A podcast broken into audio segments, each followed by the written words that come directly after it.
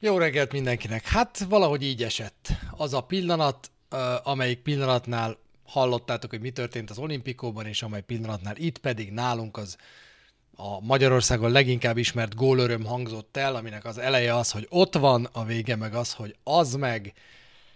Valahogy megnyertük. Úgyhogy ma nagyon sokat fogunk beszélgetni arról a nem túl hosszú időszakról, nagyjából 137 másodpercről, ami alatt a Róma megnyerte és megfordította ezt a Lecce elleni mérkőzést, de hát miután az elmúlt hetet kivettem Szabinak, ezért kell beszélnünk egy picit más témákról is. Úgyhogy röviden a múlt hétről, meg röviden az a jövő hétről, a következő fordulóról is fogunk majd beszélni. A kettő között meg ott lesz a Lecce elleni mérkőzés. Jó reggelt kívánok mindenkinek, látom, hogy már nagyon aktív a chat, annak ellenére, hogy ismét ebben a reggeli, tudom, hogy számotokra kevésbé kényelmes időpontban vagyunk, de hát úgy is voltam vele, hogy ezt a Lecce meccset, ezt végig elemezgetni, teljesen fölösleges, viszont sok beszélgetni valónk van, nekem meg ma este meccsem, úgyhogy nem érek rá, és éppen ezért ma reggel már frissiben essünk itt neki ennek a mérkőzésnek, meg a hétnek ne kelljen ezzel holnap reggelig várni. Úgyhogy egy picit az Interről beszélgetünk. Szerintem érdemes a Lecce meccset megelőző Mourinho sajtótájékoztatóról is beszélgetni, és utána jöhet a Lecce, és aztán pedig a végén jöhet az, hogy mire számíthatunk, számíthattok a derbi hetében. Kezdjük ott, hogy egy téma volt az Inter elleni mérkőzés után, és engem is ez foglalkoztatott folyamatosan, meg a hozzám legközelebb álló Róma szurkoló barátaimat is ez foglalkoztatta folyamatosan, hogy miért volt megint egy olyan mérkőzés, amelyiken mi igazából úgy nem akartunk futballozni. Amelyiken igazából támadásban nem akartunk magunknak esélyt adni. És ahogy azt szerintem tűpontosan megfogalmazta az általam leginkább kedvelt és nagyon követésre ajánlott Roberto Maida nevű római sportújságíró. A meccset megelőző, a Lecce meccset megelőző sajtótájékoztató, Twitteren érdemes egyébként őt követni, miért nem érzi úgy a Róma, így fogalmazott azt hiszem, hogy egyenrangú ellenfél rangadókon. Miért átvitt értelemben miért ez a bunker foci? Miért nem akar a Róma ezeken a mérkőzéseken játszani? Én a családommal pihentem az őszi szünetben, és ezért Szarajevóba utaztunk, és ott nem lehetett nézni ezt a mérkőzést, mert az ottani sportklub tévét azt most már csak előfizetéses rendszerben lehet, és ahogy mi, mi voltunk ott, ott nem fizették elő, így nem láttam a meccset. A magyar OTT szolgáltatásokkal meg ugye külföldön magyarországi tévét nem tudsz nézni, úgyhogy nem tudtam nézni a mérkőzést. Így aztán maradt nekem a kedvenc élő eredmény követő felületem, a Fotmob, amelyiken van egy ilyen live ticker szolgáltatás, aminek az a lényege, hogy felrajzolják neked a pályát, látod a statisztikákat, és látod a pályát, és látod azt, hogy éppen merre mozog a labda. És elképesztően érdekes volt ezt a meccset egyébként így figyelni, mert pontosan elárulta a, a komplett történést az Inter elleni mérkőzésről. Amikor a Róma birtokolta a labdát, akkor a saját térfelünkön passzoltunk hármat, aztán nyomtuk előre Lukakunak, aki nem tudott játékba avatkozni. A Róma alig jutott el a 16-oson belőle, azt hiszem kijött egy legendás statisztika, hogy kettő vagy három, vagy öt, vagy nem is tudom, de az tuti, hogy egy számjegyű és legfeljebb ötös érintésünk volt a mérkőzésen az ellenfél 16-osán belül. Szóval nem akart futballozni ez a Róma, nem gondolta azt magáról ez a Róma, hogy Milánóban az Inter ellen akár egy olyan futballt felmer vállalni, mint amilyet mondjuk tegnap a Lecce vállalt föl ellenünk.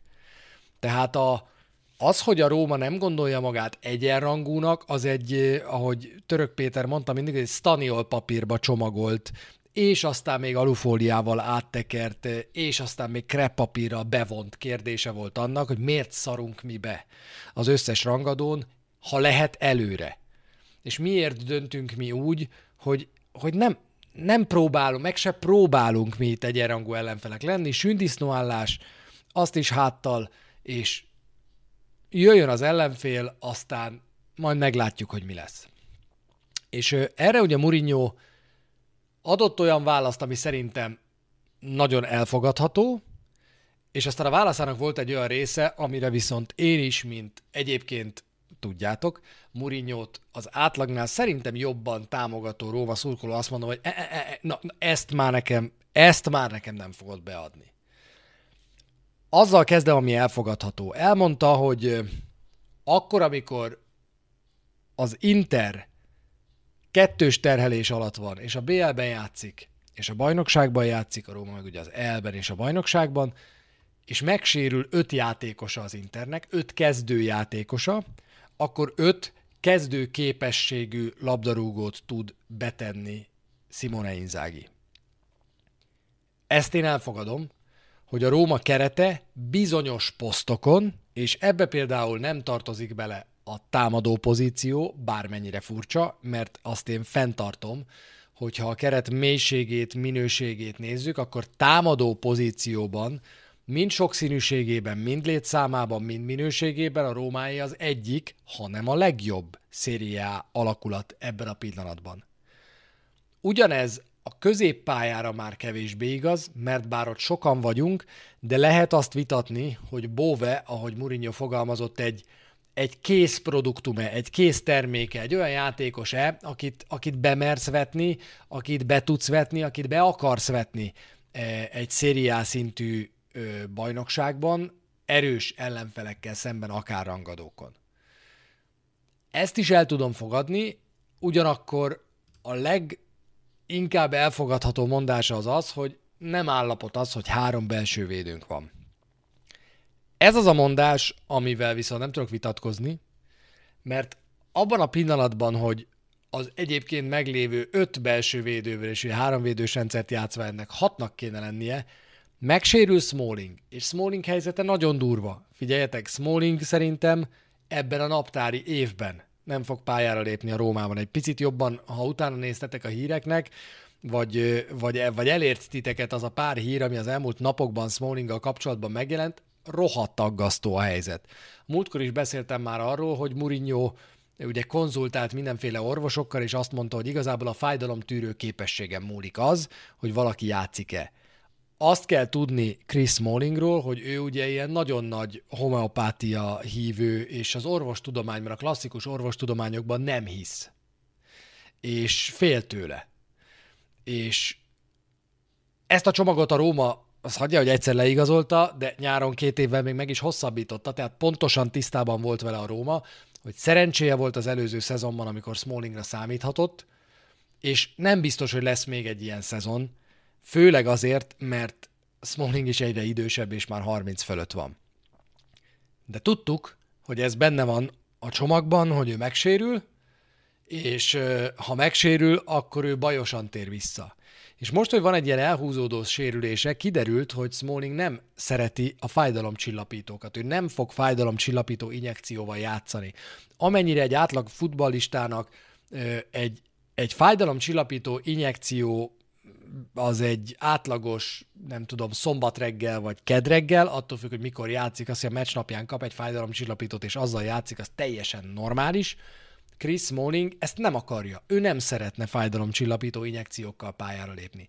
Éppen ezért elutazott Londonba orvosi konzultációra, méghozzá a Róma orvosi stábjával együtt, és aztán visszajött még Rómába, és csináltak rajta extra vizsgálatokat, és kiderítették, hogy valamilyen krónikus gyulladása van, ami nem fog ám csak úgy magától elmúlni, ez egy borzasztóan kellemetlen izomsérülés, és és széttárják a karjukat az orvosok, az orvosi stáb tagjai, Mourinho, meg Smalling is, mert Smalling nem akar fájdalomcsillapítókat, anélkül nem tudsz játszani, mert túl erős a fájdalmad, és, és akkor most mi van? Pat helyzet van. Úgyhogy azt várják, hogy ez a gyulladás valamilyen módon csökkenjen, de mondom, nem tudják bevetni azokat a fájdalomcsillapítókat, gyulladáscsökkentőket, amelyeket más játékosoknál simán bevetnének, hiszen ők elfogadják, hogy az orvostudomány az picit már előrébb haladott állapotban van, mint bármilyen más tudomány, vagy így gondolják, hogy ne sértsek meg senkit. Smalling nem ebben hisz, és ezért nagyon nagy a baj. Zárójel bezárva.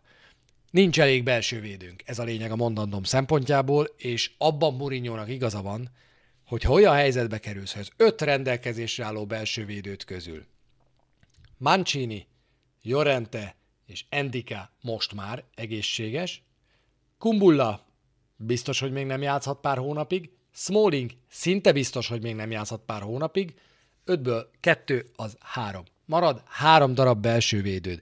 Egy darab embered van minden egyes pozícióra hátul. Nem tudsz másokat játszatni, csak Mancinit, Jorentét és Endikát. És amikor majd eljön a prágai Európa Liga mérkőzés csütörtökön, akkor se nagyon fog, tud, fog tudni Mourinho mást játszatni, visszahozhatja Cseliket a jobboldali háromvédősbe, visszahozhatja Bóvét a jobboldali háromvédősbe jobb oldalra. De, de hogy ez nem megoldás, tehát nincs elég belső védőnk. Mi a kényszer megoldás? Az, hogy Krisztántét, aki eleve rongyosra játsza magát, visszahozod a védelembe. Ezzel viszont már kiveszel egy embert a középpályáról, és ott sem lesznek túlságosan sokan. És ennek van egy ilyen pillangó hatása az egész csapatra, és ez rohadtul nem jó. Ebben Murinyónak igaza van, hogy bizonyos posztokon ez a Róma totálisan ö, alultáplált, és a legnagyobb probléma ebből a szempontból a belső védő pozíciója. Mert akkor, amikor nincs balhátvéded, akkor választhatsz, hogy elsaravi vagy balszárnyvédőd, akkor választhatsz, hogy elsaravi játszik, mint most a Lecce ellen, vagy Zalewski játszik, mint most a Lecce elleni mérkőzés végén, ha Spinazzola nincs. Ha jobb oldalról kidőlne Karsdorp, még mindig választhatná, hogy Christensent játszatod, vagy Cseliket játszatod. Ha a középpályáról kidől egy ember, lehet pótolni. Ha a csatárposztokról kidől egy ember, lehet pótolni. Nem biztos, hogy olyan hatékonysággal, de létszámban lehet. Viszont hátul pótolhatatlan emberek vannak ebben a pillanatban, és annyira vékony a jég, hogy az elmondhatatlan. Tehát egyetlen egy eltiltás itt súlyos, súlyos pontokba kerülhet azonnal, mert nem tudod pótolni ezeket a játékosokat. És oké, okay, hogy a védelem nagyon stabilizálódott az elmúlt időszakban, és erről nem beszélünk eleget, hogy az első pár hét után a Róma stabilizálta a hátsó alakzatát. Utoljára a Genoa ellen kaptunk egy nagyon csúnya négyest, azóta nem volt olyan mérkőzés, pedig játszottunk párat, sem Európában, sem a szériában, amelyiken egynél több gólt kapott volna a Róma. Inkább nullák, de jöttek az egyek is, mint a Lecce ellen. Viszont egynél több gólt nem kapunk, és hogyha egynél több gólt nem kap ez a Róma, akkor mínusz az Inter elleni 0-1, szinte garantált a pontszerzés. De ez a három emberünk van hátul, mióta volt alkalmuk összeszokni szerencsétleneknek. Szóval ezt elfogadom. Azt nem fogadom el, amikor folytatja Mourinho a gondolatmenetét arról, hogy ha az Internél megsérül öt játékos, és ebben igaza volt, hogy az Inter ellen öt kezdőjátékosa volt sérült a Rómának, akkor van öt hasonló képességű kezdő. Elfogadom. Ha Milánnál megsérült játékos, akkor van öt hasonló képességű, mint a kezdők. Elfogadom. Ha a Juventusnál megsérült játékos, van öt hasonló képességű, mint a kezdők. Hát ezt már nem fogadom el, és akkor még tovább megyünk, és ilyeneket emleget, mint Fiorentina, akkor már hangosan felnyeritek, mert azért basszus. A helyzet mégiscsak az, hogy dobogósak vagyunk fizetésekben a szériában. A helyzet mégiscsak az, hogy azért egy sokkal bővebb keret áll rendelkezésre, egy pozíció van, ami tudja borítani a védelmet, és tudja borítani a középpályát mélységben, ez pedig a belső védő pozíciója, ahol tényleg alul táplált ez a csapat. És ez aztán hat a középpályára, hogy elmondtam. Úgyhogy a kifogáskeresés az még mindig nagyon megy, a, az Inter elleni meccset pedig szerintem ezzel nem lehet megmagyarázni, meg ezt a stratégiát, ha ezt annak lehet nevezni, nem lehet ezzel megmagyarázni.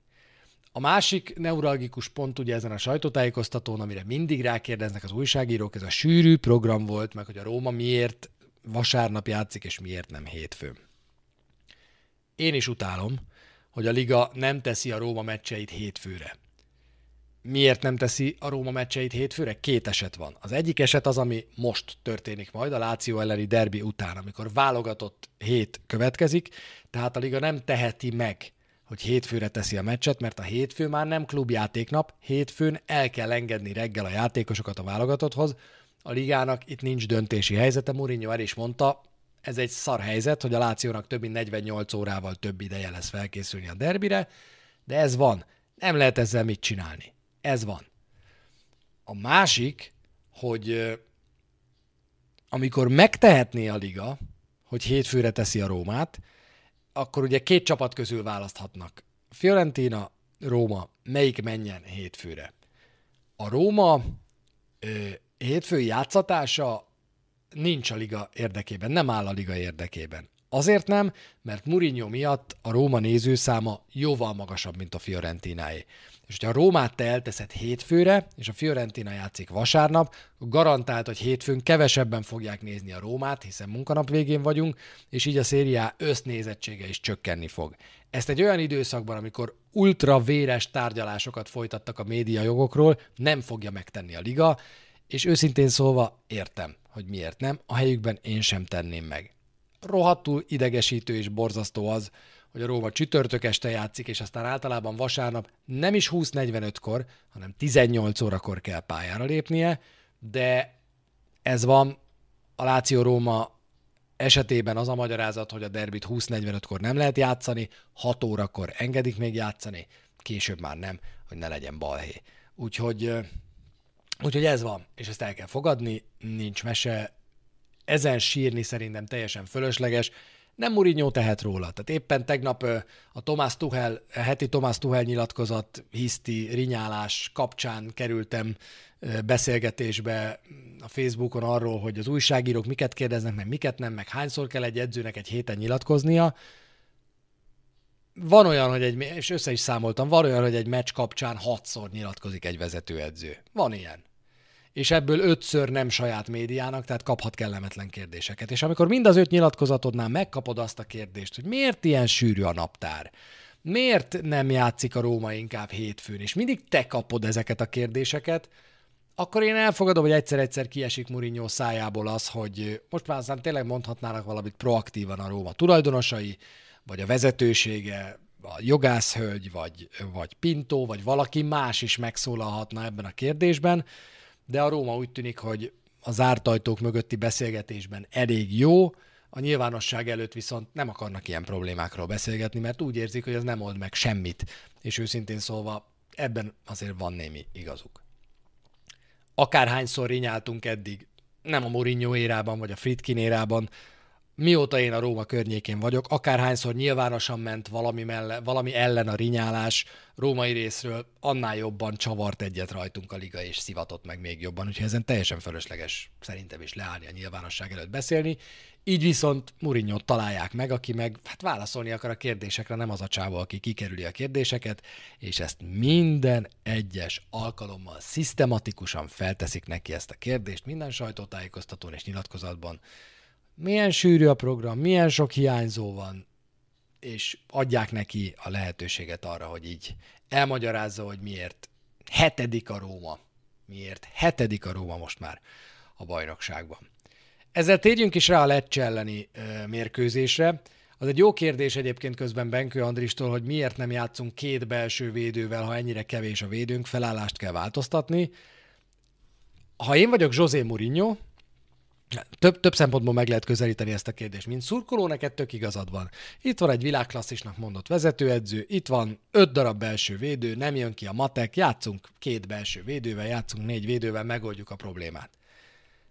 De azért, ha én vagyok José Mourinho, és az ő szempontjából közelítem meg ezt a kérdést, Mourinho három belső védővel játszatja a Rómát évek óta. Mourinho elmondta, hogy ez a csapat kizárólag, lásd Lecce elleni meccs végjátéka, vészhelyzetben képes négy védővel játszani. Ennek a Rómának a hátsó stabilitást, amitől a Róma is jól érzi magát, amitől Mourinho is biztonságban érzi magát, és a mérkőzéseket, ennek a Rómának három belső védővel kell játszani. Ezt nem most találta ki nyáron, meg nem most találta ki, amikor Smalling megsérült, hát folyamatosan szó volt róla. Ramos, Boateng, mit tudom én, még ilyen kukázható, szabadon igazolható belső védőkről is szó volt nem is olyan régen. Hát évek óta ezt mondja, hogy ő három belső védővel játszik. Pintónak kellett volna hozni még egy belső védőt, aztán meglátni, hogy használható vagy nem, de az tény, hogy három belső védővel játszva, mi öt darab személyi állományban lévő belső védővel kezdtük meg a szezont, és ez rohadtul nem egészséges. Úgyhogy ennyi, ezért fogytunk el, én nem hiszem, hogy ezt a problémát mourinho kéne megoldani, mert ő konzekvensen folyamatosan három belső védővel játszott, és továbbra is azt gondolja, hogy, hogy így tudunk a legjobban játszani. Ha majd ez is elfogy, és ha majd eltiltják eh, Mancinit, Jorentét vagy Endikát sárgák miatt, vagy ne adj Isten piros miatt, és már csak kettő marad, na akkor lesz egy érdekes döntés szerintem, hogy mit csinálsz. Maradsz a három belső védőnél, és hozod mondjuk hátra Cseliket a jobb oldalra, vagy pedig fogod magad, és két belső védővel fogsz játszani, és megkockáztatod azt, amit te is írsz, Andris, hogy négy védővel játszunk, aztán hát, ha ugyanolyan magabiztos marad a védelem, mint amilyen az elmúlt hetekben volt. Ha valamilyen érkező lesz télen, az szerintem belső védő lesz. Ezt, ezt látom az egyetlen egy olyan pozíciónak, amit, amihez, még, amihez még hozzá kell nyúlni mindenképpen. Egy nagyon rövid hír még mielőtt a Lecce meccset elkezdjük. Betalálták Pellegrinit is azzal, hogy benne volt a sportfogadási botrányban. Ő is perelni fog, azt hiszem, és én ezzel a hír, hír, plegyka per nem tudom, hogy miért csinálják, de rossz indulatú szemétségnek tartom, különösebb alapok nélkül, mert azért ennyi idő alatt, pár hét alatt már, ha valami nagyon bűz lenne, az szerintem kibukott volna. Nem tudom, hogy miért jönnek ezek a hírek folyamatosan, de én ezekkel már nem akarok foglalkozni. Úgy vagyok vele, mint a római tábor, akik azt a Morinót akasztották ki, a drapériát akasztották ki az edzőközpont elé, hogy aki a kapitányunkhoz nyúl, az a Róma összes szurkolójával néz szembe. Én ehhez csatlakoznék. Biztos megijedt ettől most korona nagyon. Lecce. Jött egy támadó felfogású kezdőcsapat, az eltiltott Paredes helyett a csapatba visszakerült Awar, Krisztánte a középpályán játszik, hátul pedig a már említett három egészséges belső védőnk. Azt mondta a José Mourinho a sajtótájékoztató előtt, hogy az ellenfél sokat kontrázik. Ami egyébként igaz, hogy gyorsan mennek át, próbálnak átmenni védekezésből támadásba, úgy még hozzá, hogy nem játszanak a középpályán, de az, hogy eddig nagyon veszélyesek lettek volna a Lecce kontrái, az egyébként így nem igaz. Tehát inkább az volt igaz, és ezért került be a Lecce neve mellé eddig nulla, azaz nulla darab kontrából szerzett gól a meccs előttig, mert a Lecce igazából azt játsza, hogy labdaszerzés után a gyors szélsőihez juttatja el a labdát a támadó harmadban, a középpálya és a védelmünk között, és onnan próbálják meg támadni például, ahogy ezt Banda az egész meccsen csinálta Mancinivel, eh, meg Almqvist a túloldalon, én ettől paráztam nagyon, főleg Mancini oldalán.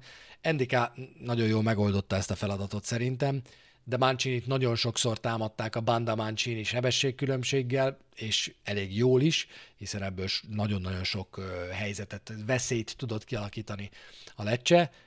Nem klasszikus kontracsapat ez a Lecce, de az tény, hogy átjátszák a középpályát, a szériából a legkevesebbet támadják középen, tehát minden támadásukat megpróbálják a szélen vezetni, és aztán onnan nem beadásokkal elsősorban, hanem egyegyezésekkel próbálnak veszélyt teremteni. A baloldaluk azt lehetett tudni a mérkőzés előtt is, hogy sokkal aktívabb, mint a jobb középen nem támadnak, és ez azért magyarázhatja azt, hogy az eltiltott Paredes helyén belefért az, hogy Auer játszon a középpályán.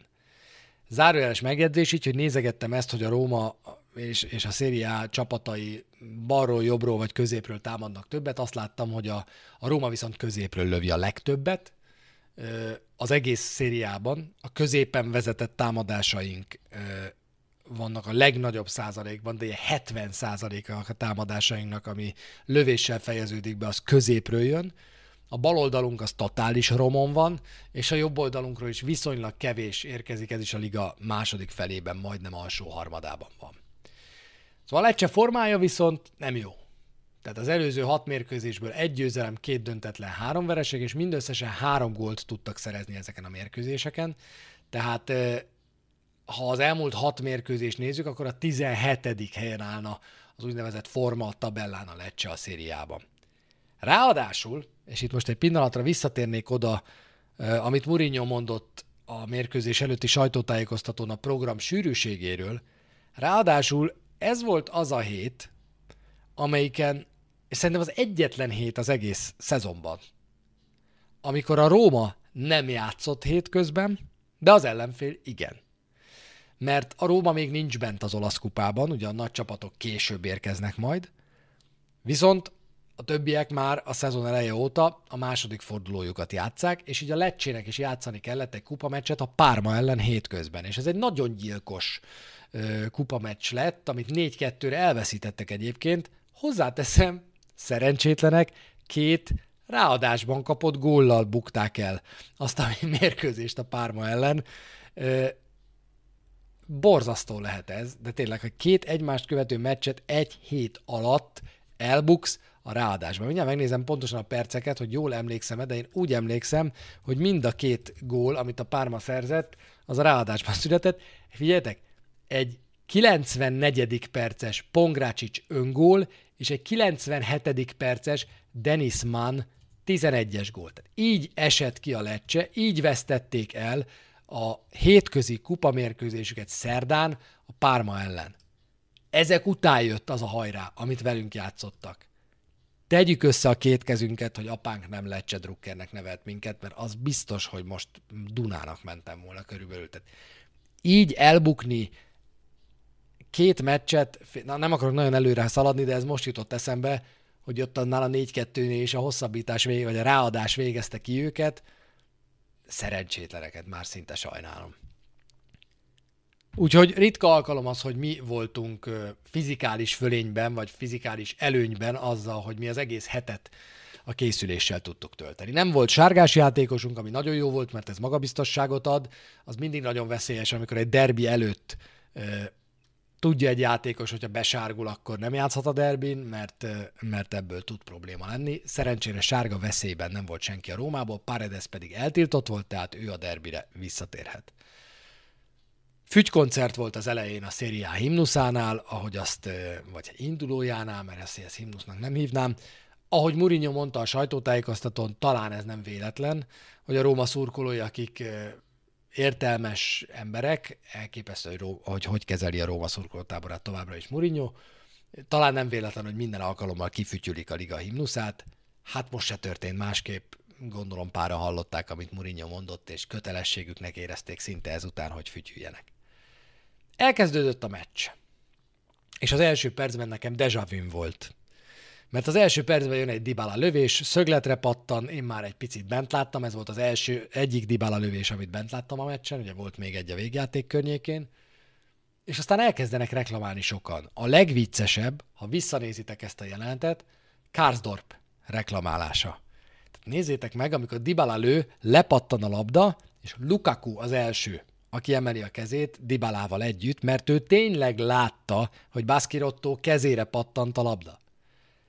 Karsdorp pedig látja, hogy a többiek reklamálják a kezezést, és olyan meggyőződéssel kezd el szaladni a bíró felé, hogy mondja neki, hogy figyelj már öreg, hát ez akkora kéz volt, tehát nem igaz, hogy nem láttad, mintha ő bármit látott volna ebből, semmit nem látott ebből Rick Karsdorp, a többiek reklamálását látja, és ő is azonnal megy. És aztán visszanézik ezt az esetet, és én sajnálom Baszkirottot nagyon, mert esze ágában nem volt kezezni. De nagyon rossz helyen tartotta a kezét, távol a testétől, és elég távol ahhoz, hogy főleg akkor, amikor a labda a kapu felé tart, és igazából gólba tart, mert én nem hiszem, hogy ezt Fákóra védeni tudta volna, akkor így tartva a kezedet beleütsz a labdába, úgy, hogy igazából ezt érte el a labda. Itt, itt a, tehát tényleg a kész fejét éri el, és ugye üti meg a labda. Ez 11-es. Ez nagyon szerencsétlen eset, de 11-es. Ugye utána a római játékosok reklamálják azt, hogy miért nem járt ezért lap, vagy piros lap, hiszen gólba tartó labdát, aki szándékosan kiüt, az, az a kiállítás sorsára jut. Ezért még lap se járt, és egyébként teljesen jogos szerintem, hogy nem járt ezért lap. Egy borzasztó, szerencsétlen eset volt, beleütött a labdába kézzel, nem az volt a szándéka, hogy kiüsse, hanem egyszerűen ott tartotta a kezét, távol volt a testétől. Jogos a 11-es, lépjünk tovább. És akkor sokkot kapok, mert a deja vu megszakad, és egy rémálommá változik, egy lehetséges rémálommá változik, amikor azt látom, hogy nem Paulo Dybala áll a labda mögé, hanem Romelu Lukaku. Mert eddig ugye minden úgy alakult, mint a Lecce elleni mérkőzésen. Csak akkor jobbról jött egy beadás, amiben beleértek kézzel, és lett egy 11-es az első percben. Most meg jött egy lövés, amiben beleértek kézzel, és lett egy 11-es az első percben. Hát mondom, itt hátra lehet dőlni, Dybala berúgja, aztán kezdődhet a parádé, mint az Empoli ellen, de gyanús lehetett volna nekem már ekkor, hogy nem én vagyok a kommentátor, tehát ez valószínűleg nem így lesz, hogy sima Róma mérkőzés lesz.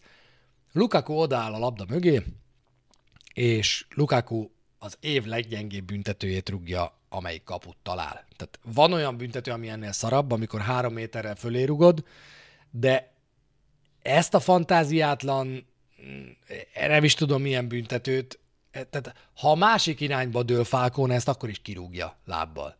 Tehát gyakorlatilag eltalálja Falconét, mintha az lett volna a cél, hogy figyelj, ott van ez a 7x2-es 241-es, mindegy, ez ekkora kapu, áll benne egy manusz, ő megpróbál majd elugrani a labda előtt, találd el. És Lukaku megcsinálta. Az a Lukaku, aki papíron az előző 26 11-esét berúgta. 2017. augusztusában a Manchester United színeiben hagyta ki papíron az utolsó büntetőjét, azóta 26-ot végzett el, és papíron 26-ot berugott. Egy volt az Inter, az Inter színeiben tavaly az Udinéze ellen, amit elrontott. Kéri Andrissal üzengettünk egymásnak meccs közben, először azt írta ő is, hogy uh, ha miért nem Dybala rúgja, és mondom, hogy én se értem, hát Dybala hétből hetet berúgott, ott van a pályán, szemmel láthatóan egészséges, mi a franc van, és amikor Lukaku kihagyta, akkor gyorsan fölmentem a transfermarktra, és megnéztem, hogy basszus, hát az ember az előző 26-ot berúgta, mi van itt. És írta Andris, hogy nem, nem, ő emlékszik, hogy egyet kihagyott. Hát mondom, figyelj, lehet, hogy a transfermarkt téved, de itt az van, hogy mindegyiket berúgta 2017. augusztusa óta. És aztán kiderült, hogy az Udinéze ellen egyet kihagyott tavaly, csak újra rugatták, mert egy Udinei beszaladt a 16-oson belőle már a lövés előtt, és azt már berúgta Romelu Lukaku, így aztán egy jegyzőkönyvbe az került be, hogy az is pipa, így jött a sorrendben berugott 26-11-es. Mourinho egyébként a meccs után emlékezett arra, hogy amikor ő volt Lukaku edzője, akkor már rontott 11-est Romelu Lukaku egy Chelsea-Bayern szuperkupa mérkőzésem. Erre a Manchester Unitedban kiadott 11-esen nem emlékezett. Nem emlékezett. Ö, azért nem Dybala rúgta, erre is magyarázatot adott Mourinho a meccs után, mert ez a kérdés forgott az ezt követő percekben mindenki fejében, és a játékot látva a játékosok fejében is. Azért nem Dybala rúgta a 11-est, mert gondjai vannak a rögzített helyzetekkel. A beadás az megy, de amikor erőből meg kell lőni egy szabadrúgást, vagy előből meg kell lőni egy szögletet, vagy erőből meg kell lőni egy 11-est, az Dybalán nem szívesen vállalja, mert azt mondja Mourinho, hogy valami fájdalmat érez akkor, amikor izomból egy állított labdát ellő, valami ott nem oké, és ezért a mérkőzés előtt már tudták, hogy, hogy nem ő fogja elvégezni a 11-est, hanem Lukaku. Lukakut jelölték ki a mérkőzés előtt a 11-esek elvégzésére. Ki, egészen más sebességi fokozatban játszott a két csapat ezután, de azért a róva sebessége az nem volt túlságosan magas. Tehát magasabb volt, mint szokott lenni, de így is nagyon-nagyon sok labdasimogatás volt, labdaérintés volt. A támadások nem fejlődtek egészen gyorsan, de így is sokkal-sokkal gyorsabban futballozott a Róma, és élvezetesen egyébként. Sokkal jobban futballozott a Róma, mint a Lecce. Helyzet sokáig nem volt, aztán Auár sunyi lapos nagyon szép nyesését a 24. percben kiszedte Falcone, ez volt a következő nagy helyzet, és a félidő közepére besárgult Banda és Dorgu is, ami jót ígért a bal szélen, hiszen ott így lehetett támadni besárgázott játékosok közül. Hat római lövés után 30 méterről jött az első lecsei kísérlet.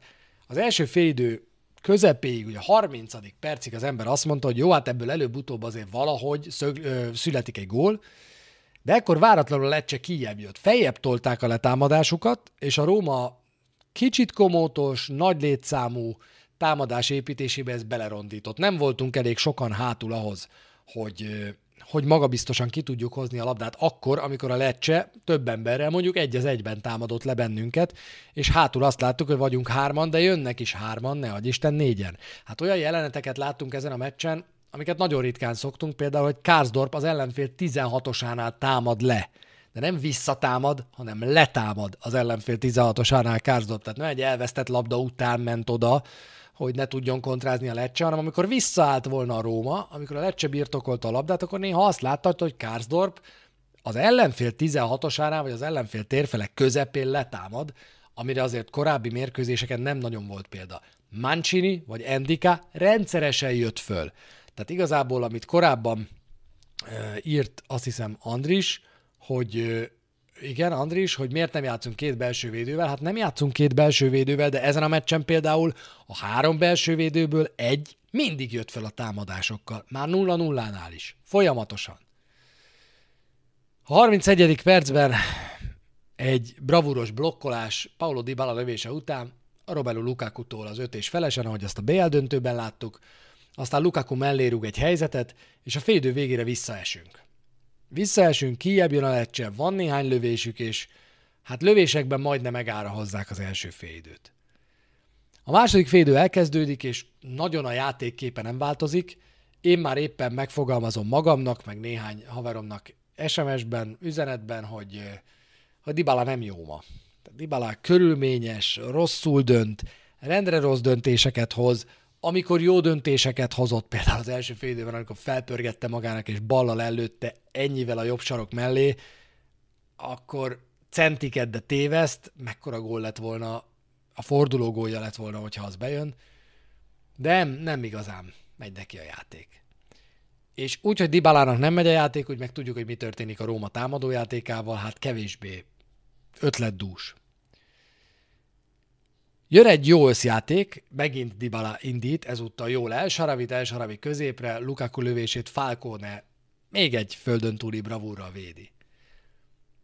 Zárójel Falconéról, hogy el ne felejtsem, Mourinho elmondta a meccs után, hogy beszélgetett Falconéval a mérkőzést követően, és megmondta neki, figyelj öreg, én nagyon bírlak téged, de hát az döbbenet, hogy ennek a klubnak szurkolsz, és mindent kivédesz, amikor ellenünk játszol. És Falcone, valaki írta, hogy milyen jó lenne a Rómába, Persze, hogy jó lenne a Rómába. Szerintem bold prediction, majd húzzátok az orromra, ha nem jön be, szerintem Falcone lesz a Róma következő kapusa.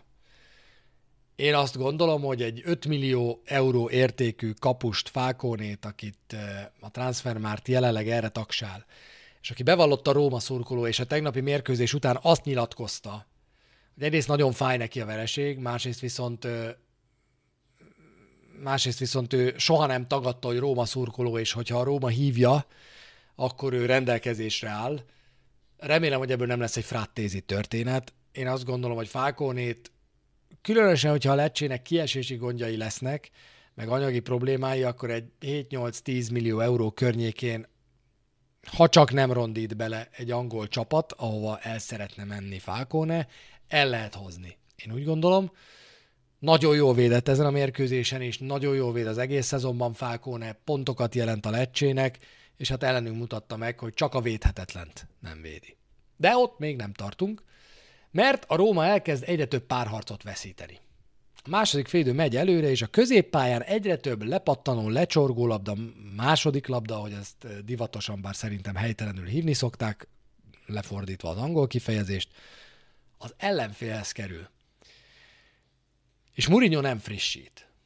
És ekkor már azon gondolkozom, hogy mi a francért nem frissít akkor, amikor mi vagyunk pihentebbek, az ellenfél fáradtabb, tehát nekünk kéne hamarabb rácserélni, hogy a friss emberekkel még jobban meg tudjuk nyomni az ő fáradt embereiket. Ne várjuk meg, amíg behozzák a friss embereket, és aztán majd mi is rácserélünk friss embereket, hanem a francba már cseréljünk rá egyet a középpályán, cseréljünk rá egyet elő, ha nem megy, próbálkozzunk valami mással. Nem? Mourinho nem cserél. És aztán jön egy hiba.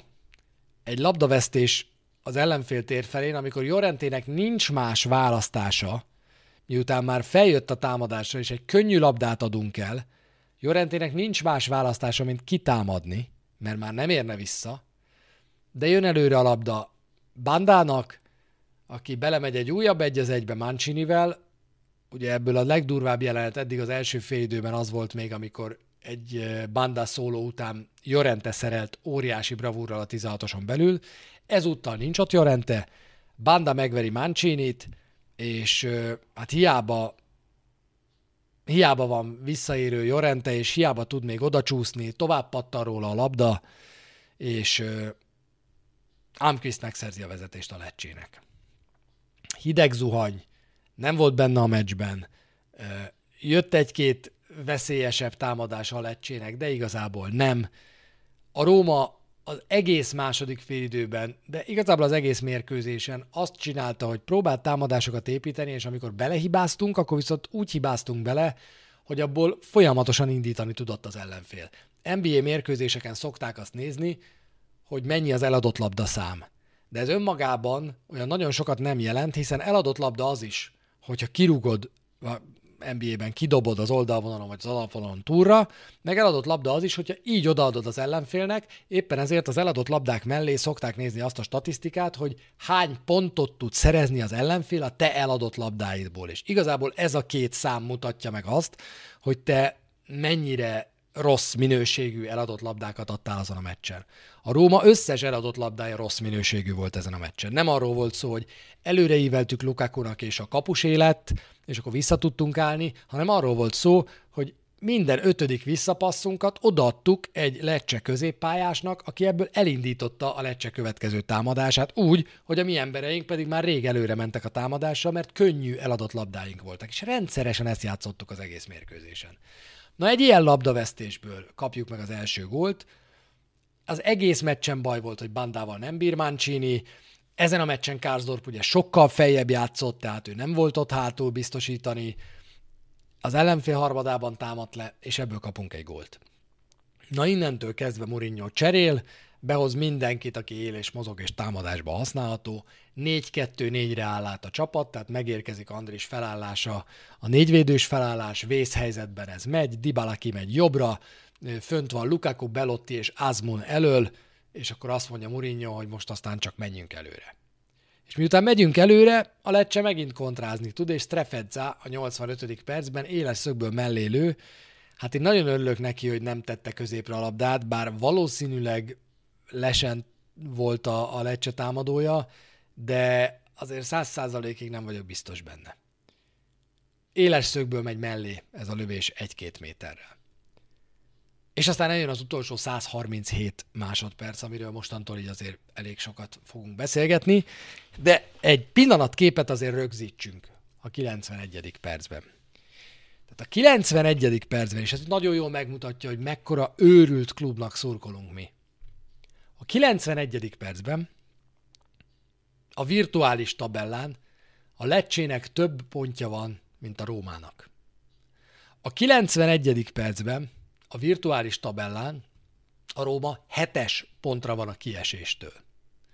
A 91. percben úgy állunk, hogy a másnapi gazetta másról sem szól, mint hogy mikor rúgják ki José mourinho a Rómától, mert borzasztó kezdés, pár jó eredmény után itt egy újabb váratlan pofon, ráadásul hazai pályán. Ez a 91. perc pillanatképe. A 94. percben a Róma négy pontra van a bajnokok ligáját jelentő helyektől.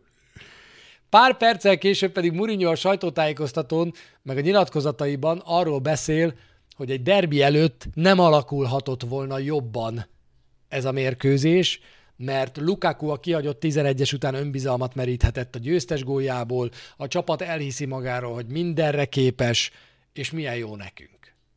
Így mekkora őrült klubnak szurkolunk mi? Hát hol máshol történnek még, még ilyen dolgok? Hihetetlen, de tényleg. Nézzük a két gólt. Azmuni az első, a 91. perces egyenlítő gól. Azmun szerintem nagyon meg kell dicsérni. Nem csak azért, mert az, hogy bent van Belotti, és bent van ö, továbbra is Lukaku, az lehetőséget ad Azmunnak arra, hogy amikor érkezik egy tökéletes beadás Zalewski-től, akkor csont tisztán fejeljen, mert a rövidre futó Belotti és a túloldalon Lukaku annyira leköti a védőit a lecsének, hogy Azmura egyszerűen nem marad ember, és jön ez a bomba fejes a kapuba. Tehát nem beszélünk eleget arról, hogy Azmú mekkora gólt fejelt egyébként, mert ez egy büdös nagy gól volt. Ennél nagyobb gólt, meg erősebbet fejelni szerintem nagyon nehéz. És meg kell dicsérni Azmunt, mert a lehetőségeivel elképesztően jól sáfárkodik. Mindenki nyugodjon meg, nem fogok Azmund mezt vásárolni. Vettem Krisztántét, itt lóg és várja a hétvégi helyszíri derbit. De de Azmun 65 perc lehetőséget kapott 6 mérkőzésen. 65 percet. A tegnapi 17 perc volt a második legtöbb játékidő, amit pályán töltött. A Monza ellen volt 27 perc játékideje, a Geno ellen 12, de hát ott már ugye majdnem, hogy mindegy volt. Igazából fontos pillanatban, amikor megmutathatta magát, és amikor érdekelt bárkit, hogy mit csinál, ez volt a második alkalom, hogy, hogy 10 percnél több lehetőséget kapott. És ne felejtsük el, hogy a Monza ellen rugott egy kapufát, és benne volt El Sharavi győztes góljában, hiszen előtte az ő lövése után, az ő lövését követően pattant le a labda El Sharavi elé. Most pedig szintén oda került a kapu elé, egyébként jól állt be, jó passzokat adott, amikor eljutott hozzá a labda. Hát ez a fejes, ez meg egyszerűen csodálatos volt. És aztán amikor azon gondolkozott az ember, hogy oké, okay, hát 91. perc, 1-1, de hát 5 perc ráadás van, van-e ebben a csapatban annyi, hogy, hogy még egy gólt szerezzen, akkor abban bízol, hogy még egy helyzet valahogy lesz. Hogy még egy helyzet valahogy lesz. És egy pozitívum volt megfigyelhető a második félidőben, amit Hajdó Attila is kiemelt a stúdióban a meccs után, hogy Lukakunak egy picit több helye volt a második félidőben. Nyilván ez abból is következik, hogy ekkor már Belotti is pályán, ekkor már Dybala is feljebb játszik, ekkor már Azmun is pályán, sokkal nagyobb nyomás nehezedik a lecsére, egyszerűen ott kell hagyni Lukakut egy az egyben, és ha ott hagyod ezt az embert egy az egyben, akinek mindene nagyon nagy, akkor, akkor eszköztelen marad egy védő, ha ő beáll. És Lukaku beállt az emberének, és Dybala felpasszolta rá a labdát, és Lukaku befordult, és, és ő is egy bravúros gólt szerzett. Tehát az hagyján, hogy a ráadásban szerez két gólt a Róma és fordít, de ez is egy bravúros gól. És nem csak a beállásra és a lefordulásra gondolok, mert a százszor megcsinálta már Lukaku, de hogy egy picit maga alá, és egy picit maga mögé keveredik a labda, és pontosan tudja, hogy Fákóne lábbal rohadt jó. Fákóne az alsó sarkokat elképesztően jól védi. Ezt megtanulta a harmadik percben, amikor kihagyta a 11-est, és megtanulta akkor a második félidőben, amikor Elsarevi passza után lábon rúgta Fákónét. Fákóne az alsó sarkokat szerintem minden kapusnál jobban védi a szériában. És ezért alá akar nyúlni, mert tudja, hogy itt érzi, hogy itt a felső sarkot kell célozni, és kipókhálozza a jobb felsőt Lukaku egy olyan helyzetből, onnan maga mögül kell elkotorni a labdát. Ilyenkor ugye, ha megpróbálsz alányulni, akkor óriási a veszélye annak, hogy lecsúszik a külsődre, és kirugod a szöglet zászló felé, de Lukaku ha eszement bravúrral felteszi a jobb felsőbe ezt a labdát. Pedig nem volt jó meccse. Azt képzeljétek el, hogy 28 érintése volt az egész meccsen Lukakunak. 16 passz kísérlet és 10 sikeres kísérlet mindössze. Ezek rossz számok. Az Inter elleni meccsen 26 érintése volt, kettővel kevesebb, mint ezen a meccsen. Az Inter elleni meccsen. De az Inter ellen több passz kísérlete és több sikeres passza volt, mint ezen a meccsen. Lukakunak botrányos meccse volt.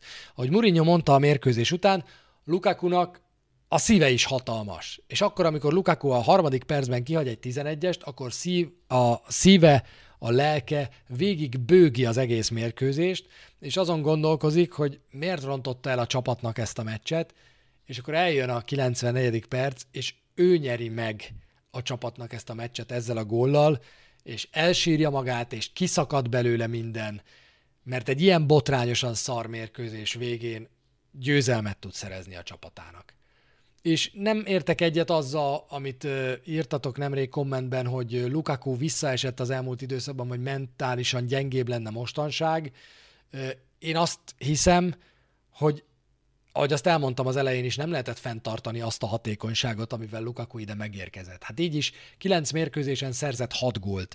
Egyetlen egy Róma játékos van, aki a klub történetében az első 9 meccsén több gólt szerzett, őt Gabriel Batistutának hívják, ő 9 meccsen 10 gólt tudott szerezni, de hát ő, ő egy egészen más stílusú csapatban futballozott. Lukaku ezt tudja körülbelül, a, amit, amit most mutatott, vannak ilyen mérkőzései is. Van olyan, hogy nem botlik bele minden alkalommal hasznosan a labdába, hogy az első pár fordulóban nem tudott rosszat csinálni Lukaku.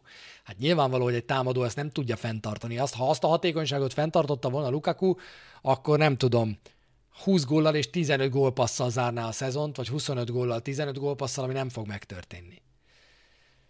Nagyon rossz mérkőzése volt, de a végén megszerezte a győztes gólt. Dybala szemre nem játszott jól a meccsem, főleg az első félidőben, mégis végig a pályán maradt, és ez azért egy elég nagy meglepetés volt. Ahogy a mérkőzés után Mourinho fogalmazott, még neki is nagyon nagy meglepetés volt az, hogy, hogy Dybala 97 percen keresztül a pályán maradt. Itt vannak az osztályzatok a képernyőn, akik pedig podcasteznek, azoknak mondom, hogy Rui Patricio tőlem kap egy hatost, volt pár fontos védése ezen a mérkőzésen, magabiztosabb volt, mint szokott lenni, nem jöttek ki róla olyan labdák, amelyek máskor kiszoktak jönni, volt bravúrja is, úgyhogy szerintem Rui Patricio pont azt a jó hatos teljesítményt hozta a kapuban, ami a megbízható, átlag, nem hibázott, hatalmas nagy földön túli bravúra nem volt szüksége, de jól védett Rui Patricio ezen a mérkőzésen. Mancini jött, végig szivatta Banda az egész meccsen, és szerintem ő volt a Róma gyenge láncszeme, ami nem mondom, hogy aggasztó a Láció mérkőzés előtt, de ami azért jelzi, hogy az elmúlt időszakban neki is volt már gyengébb mérkőzése, és ez most egy újabb gyengébb találkozó volt. Jorente szerintem ebben a pozícióban a legfelelősségteljesebb pozícióban három védő, belső védő közül középsőként nagyon jól tette a dolgát. Ő is jött időnként a támadásokkal, volt nagyon fontos szerelése a 16-oson belül, és mindent megtett, amit, amit megtehetett. Endikának az eddigi legjobb mérkőzése volt ez szerintem. Rengeteget vett ki a passzjátékból, sokat jött előre, a passzainak 90%-a jó volt, annak ellenére, hogy próbált támadásokat építeni, Szerintem Endikának kifejezetten jó meccse volt. Nem beszélve Kárzdorpról, aki most már ugye első számú jobb szárnyvédőnk, és szinte garantált, hogy a Láció ellen is ő fog majd kezdeni, rengeteget futott, rengeteget dolgozott. Neki ezek a meccsek állnak jól. Tehát az az igazság, hogy neki ezek a meccsek állnak jól. Nem a rangadók, hanem ezek, amikor letámadhat, mehet előre, részt vehet az összjátékban, nincsen hátul felelősség, nem azon görcső, hogy hátra kell jönni, ezek a mérkőzések, ezek kifejezetten jól állnak neki, úgyhogy mégis lehet, hogy megmásítom, amit az előbb mondtam, és lehet, hogy nem ő fog kezdeni a Láció ellen, majd meglátjuk. Ha kezd, akkor szeretettel várom újra egy mérkőzés előtti interjúra. Bóvénak nem volt jó meccse. Sok párharcot elveszített, most a párharcai többségét elveszítette, nagyjából a negyedét vagy harmadát tudta csak megnyerni de ezek az akasztások, támadás megakasztások nagyon fontosak. Próbált hasznosan futballozni úgy, hogy a Lecce igazából az ő területén veszélyt teremteni nem akart, mert ahogy elmondtam, az ő stratégiájuk más, nem volt kimagasló meccse. Krisztánte nagyon jól futballozott ezzel szemben, minden fontos támadást indító passz szinte az övé volt, ami Paredes távol létében, aki ezt nagyon jól tudja, egy nagyon-nagyon fontos hozzáadott érték volt ezen a mérkőzésen. El Sharavi mm, közepes, adott gólpassz értékű labdát, voltak próbálkozásai, igazán mély nyomot most nem hagyott bennünk, mint a Monza ellen. Dybálának megajánlok egy hetest, látom, meg ti is látjátok, hogy a Fotmobnál azért ő egy nyolcas osztályzatot kapott, ami ugyanaz, mint Krisztánte osztályzata, tehát igazából holt versenyben a mezőny legjobbja volt náluk, nálam egy hetest kap, még akkor is, hogyha volt ez a gólpassz, kétszer, centikre, háromszor centikre volt a góltól. Tehát az igaz, és ezt megadom, hogy ha a három lövését Dibalának, a 11-es előtti lövést, a, a felpörgetés utáni mellélövést az első félidőben, és a Lukaku által visszakészített a jobb felső sarok felé tekert harmadik lövését veszem, a három lövés szerintem összesen kb. olyan 20 centivel került el a kaput, ha úgy összeadom a hármat, ami, ami, azért, ami azért nagyon durva. Lehetett volna ebből egy Mester hármas is. Ráér az, ráér az majd most vasárnap. Auer szerintem nem játszott rosszul. El kell most már fogadnunk az, mert ez az ő profilja, hogy őt elsősorban ezeken a mérkőzéseken lehet bevetni, alacsonyabb szintű ellenfelekkel szemben, mert itt belefér az az egy-két extra labdatologatás, ami az ő játékában mindig benne van, de szerintem jól játszott Howard, nem volt vele különösebb probléma. És Romelu Lukaku, aki pedig kap egy hetest, mert bárki hagyta a 11-es, de ebből visszajött, és, és tisztességesen oda tette, amit oda kellett tennie. Picit csúnya lenne, hogyha a cseréket megmutatnám most, de hát kit érdekel, úgyhogy meg is mutatom, mert a cserékre is gondoltam, természetesen nélkülük ezt a meccset nem tudtuk volna lejátszani. Renato Sáncheznek adtam egy ötöst, Azmunnak adtam egy hetest, Zalewskinek egy hatost, hiszen Azmun gólt szerzett, Zalewski gólpaszt adott, Christensennek pedig egy ötöst tudtam megajánlani erre a mérkőzésre. Aki kívülről nézte ezt a mérkőzést, például Neskio, aki egy olasz, úgy írja, hogy Neschio, aki egy olasz vlogger YouTube-on megtaláljátok, és interszurkoló egyébként, tehát tudja kifejezetten kívülről nézni ezt a meccset, az szerint nem érdemelte meg a Róma, hogy hátrányba kerüljön ezen a mérkőzésen, mert jól játszott, Viszont elmondta azt is, hogy utána nagyon látszott, hogy a Róma nem ehhez szokott hozzá. És hogy a Rómának egyáltalán nem áll jól, hogyha ki kell nyílnia. Ennyire magasan védekezni, visszarendeződni, ez nem a mi stílusunk. Ez látszott a Genoa elleni mérkőzésen is, akkor erre csúnyán ráfaragtunk, és abból lett az 1-4. Ez látszott most is, hogy azért jobb, ha nem kerülünk olyan helyzetbe, hogy 4-2-4-et kelljen játszanunk, mert egyszerűen az ellenfél átszarad rajtunk, fogalmunk nincs, hogy hogy kéne visszarendeződni ebben a helyzetben, és hát nincs meg hozzá a megfelelő emberállomány sem, hogy, hogy ezt megtegyük, úgyhogy szerencsésen jöttünk ki azért ebből a végjátékból, a Lecce nem tudta megbosszulni ezeket, a, vagy nem tudta meg kihasználni ezeket a helyzeteket. A Monza elleni meccsen is ez látszott, amikor kétségbe esetten mentünk előre a győzelemért, hogy le tudtak bennünket kontrázni, ott is Rui Patriciónak több védésre volt szüksége, nem lenne jó belemenni még egy-két ilyen szoros végjátékba hazai pályán gyengébb csapatok ellen, mert nem mindig fogunk olyan jól kijönni belőle, mint a Monza vagy a Lecce ellen. De végig mentünk becsülettel, és tulajdonképpen a helyzet az, szerintem, cáfoljatok meg, ha nem így gondoljátok, de szerintem a legszórakoztatóbb mérkőzést játszottuk ebben a szezonban. Tehát ilyen szórakoztató Róma meccset ebben az idénben én még nem láttam. Nekem az elmúlt időszakban is az volt az érzésem, hogy, hogy ez, a, ez a csapat ezt tudna sokkal aktívabban játszani, több helyzetet kialakítani. Most ez volt a szándék, és és nem volt ennél szórakoztató meccse a Rómának szerintem ebben a szezonban. Már az első fél idő a 0-0 ellenére is kifejezetten jó mérkőzés volt, lüktető meccs volt, a kihagyott 11-es az elején megadta az alaphangot, és, és nagyon, nagyon, nagyon jó meccset játszottunk. De hát szerencsétlen lecse. Tényleg. Azóta ez jár az eszembe, hogy szerdán szívsz egy kupameccsen otthon egy 92 vagy nem is tudom, 92 még 97 perces góllal, majd elutazol hétvégén Rómába, és ráadásul egy öngól és egy 11-es, majd elutazol hétvégén Rómába, és szívsz egy 91. és egy 94. perces góllal. A hét statisztikáját itt kell elmondanom. José Mourinho csapatai. A ráadásban, és most ezt megnézem, mert pontosan kell idéznem, José Mourinho csapatai a ráadásban ö, Olaszországban, tehát az Inter és a Róma statisztikáit nézve 26 gólt lőttek a csapatai a 90. perc után, és hármat kaptak. Az milyen gólkülönbség a ráadásban? 26 szerzett és három kapott gól a szériában az Interrel és a Rómával José Mourinho. Ugye mi is tudjuk sorolni azokat a meccseket a közelmúltban, Monza, az előző szezonból, Sassuolo, Spezia, azokat a meccseket, amelyeket a 90. perc után sikerült megnyerni.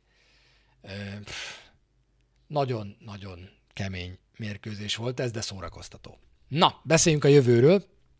mert már időm nagyon kevés van. Eljött a derbi hete, és aki még nem hallotta, annak mondom, hogy a derbit ismét a helyszínről közvetítjük élőben Zümivel, ott leszünk az olimpikóban. Ö, nagyon várom, pokolian várom, és remélem, hogy a héten fogok tudni nektek mindenféle extra tartalmat hozni majd ide, mert Prágában is ott leszek majd a Slavia Praha Róma mérkőzésen csütörtökön este. Úgyhogy tervem az, hogy pénteken lesz egy extra falka ösztön, ha rövid is, de lesz. Lehet, hogy felvet, lehet, hogy élő, nem tudom, de valami lesz. Twitter, Instagram, Facebook, mindenhova ki fogom írni, hogy mi lesz a program, meg ott lesznek fotók, meg videók, meg mindenféle szerintem, plusz a Sport TV felületein is. És aztán szombaton hajnalban utazunk Rómába, és vasárnap 6 órakor a derbit, 17-15-kor kezdődik a felvezetés, élőben a helyszínről közvetítjük Zümivel. Úgyhogy így tessék nekem szurkolni, hogy ezúttal meg szurkoljatok nekünk Zümivel, hogy legyen egy jobb meccsünk, mint az előző kettő volt. Tehát megérdemelnénk már basszus, hogy legyen egy, egy, egy nem tudom, egy, egy szikrázó, 5-6 gólos, kiegyenlített derbi, ahol mind a két csapat futballozik. Ne legyen olyan fos, mint az előző két mérkőzés volt az előző szezonban merjen a két edző valamit csinálni, ne legyen az, hogy bunker focizik a Róma Szárinak, meg nincs kedve aznap éppen futballozni a csapatával, legyen már valamilyen vér ebben a derbiben, mert az elég jól jönne. Nem túl jó előjel, hogy ezzel a győzelemmel átvettük a Láció előtt legalábbis a vezetést a tabellán, mert általában a hátrébb helyezkedő csapat szokta behúzni a derbiket, de hát nincs ez mindig így, és nem is marad mindig így. Ennyi körülbelül, amit én ma mindenképpen el szerettem volna nektek mondani. Szerintem nézem itt gyorsan, hogy írtam-e még fel magamnak valamit, nincsen semmi más. Úgyhogy ha vannak kérdések, vannak kommentek, akkor azokat természetesen várom. A következő programja Rómának így néz ki. Slavia Praha Róma, tehát 6.45-kor, majd csütörtökön, és utána vasárnap este 6-kor lesz a derbi, aztán az Udinézét fogadjuk, a szervethez megyünk, és a Sassuolo-hoz látogatunk, természetesen egy Európa Liga mérkőzés, ami után idegenbe kell utazni a Rómának, hogy visszahozzam a, az epizód elején boncolgatott, mennyire szeret minket a liga témát. Ugye mind a hat Európa Liga mérkőzésünk után idegenbe kell mennünk a bajnokságban, mert nagyon szeretné a liga, hogyha hogyha az olasz nemzetközi kupacsapatoknak minden támogatást megadna, amit csak lehet. Úgyhogy amíg írjátok azokat a kommenteket vagy kérdéseket, amikre válaszolnom kéne, még egy dolgot szeretnék elmondani. Több mint ezer válasz érkezett már a futball forradalmi, futball forradalmi videóra. Nagyon köszönöm azoknak, akik válaszoltak. Nagyon köszi azoknak, akik megnézték. Nem szereti ezt a videót a YouTube algoritmus valamiért. A nézőszám miatt picit szomorú vagyok, hogy ilyen 4000 fölött vagyunk, pedig aztán tényleg Nessai, Krisztián, Baska, Benito, nem akarok senkit kihagyni, Baumstark Tibiék, a teljes terjedelem, mindenki mindent megtett azért, hogy hogy ezt a videót sokan nézzék. A kérdőív kitöltésben lehet azt látni, hogy sokan vagytok, ezt nagyon köszönöm. Ha esetleg valaki még nem látta, az ugyanitt a YouTube csatornán megnézheti a videót. Nem mondom, hogy egy könnyű videó, mert 30 percnél hosszabb, és azért figyelmet igényel, de szerintem egy tök jó egyórás játék megnézni a videót, és kitölteni a 12 pontra a ti véleményeteket azon a kérdőíven, amit megtaláltok annak a videónak a leírásában. Úgyhogy nagyon köszi annak, aki, aki fogja magát, és, és ezt esetleg megnézi. Na, a legvégén, miután beszéltünk Zsozé csúsztatásairól, a ráadásról, Lukaku könnyeiről, és arról, hogy milyen extrák lesznek Prágából, és mi várható a derbi hetében, nézzük azokat a kommenteket, amiket ti írtatok. Tére, ha belső védő érkezhet, ki lenne potenciális szerinted? Hát, Laci, nem tudom, ebbe még nem gondoltam bele, de valamikor, amikor egy picit aktuálisabb lesz, szerintem december elején majd ebbe is, ebbe is belegondolok. Maradt pénz, amit el lehet költeni. Szerintem télen távozó játékos nem nagyon lesz, ha csak Renato Sánchez nem sérül meg még egyszer, és küldjük vissza a Paris Saint-Germainhez, akkor, akkor szerintem távozó az nem, nem valószínű. Körülnézünk majd december környékén, hogy milyen, milyen érkezők lehetnek ebbe a Rómába. Egy jó 4-3-mal én mindenképpen kiegyeznék. Borsi Imre írja, hogy Endika óriásit javult az elmúlt időszakban, kezdi felvenni a Serie A ritmusát, nagyon jól kompenzálja a lassúságát jó helyezkedésekkel. Az a durva, hogy Endika még csak nem is egy lassú játékos szerintem, gyorsabb, mint Mancini, az biztos. Igaz, nem is az ő oldalán játszott Banda, hogy túlságosan rosszul nézhessen ki. Szerintem is sokkal jobb Endika, mint volt, és tudjátok, mit érzek Endikán? Olyan egy picit Endika, mint amilyen Rüdiger volt akkor, amikor megérkezett Rómába. Ugye Rüdiger is a Bundesligából érkezett, igaz, akkor négy védővel játszottunk, de de őróla is azt gondoltuk, hogy az elején, hogy hú, de bizonytalan, nem lesz ez így jó, gólokban volt benne, nem menne ki a játék, és aztán szépen lassan Rüdiger egy nagyon-nagyon stabil játékosává érett a Rómának, és én azt gondolom, hogy ezzel most rohadtul fején találtam a szöget, mert igazából Endika nagyjából ugyanazt jelenti ennek a Rómának, mint amit Rüdiger jelentett. Kászdorp hétvégén remélem a többiekkel együtt jól bulizik majd a meccs végén. Én is ebben bízom, és ez végszónak is tökéletes Keglovics Lacitól. Csak annyival egészíteném ki, hogy múltkor nem sikerült elcsípni a meccs végén José Mourinho-t, viszont van egy ígéretem a Róma sajtósától arra, hogy most majd sikerülhet, úgyhogy én megvárom a péntek reggelt, és a Szlávi elleni mérkőzés után írok is az olasz, a római sajtós kollégának, hogy volt egy ígéretem, úgyhogy a mérkőzés végén most jó lenne, hogyha el tudnám csípni José mourinho majd legalább két-három kérdés erejéig. Nyilván ez eredményfüggő is, hogy mennyire áll rendelkezésre, múltkor nem volt kedve, remélem, hogy most lesz. Na figyeljetek, szerintem ezen a korai órán frissen kipihenten oda tettük ezt a falköztönt. Nagyon szépen köszönöm mindenkinek, hogy ha megnéztétek végig, akár élőben, akár felvételről, akár meghallgattátok podcastként. Köszi, hogy itt voltatok, és bízom benne, hogy találkozunk majd a Falka ösztön extrákban, és abban is bízom, hogy olyan 10 óra körül már tudok majd magyarul beszélni. Köszönöm szépen a figyelmet, szevasztok, találkozunk a héten még szerintem.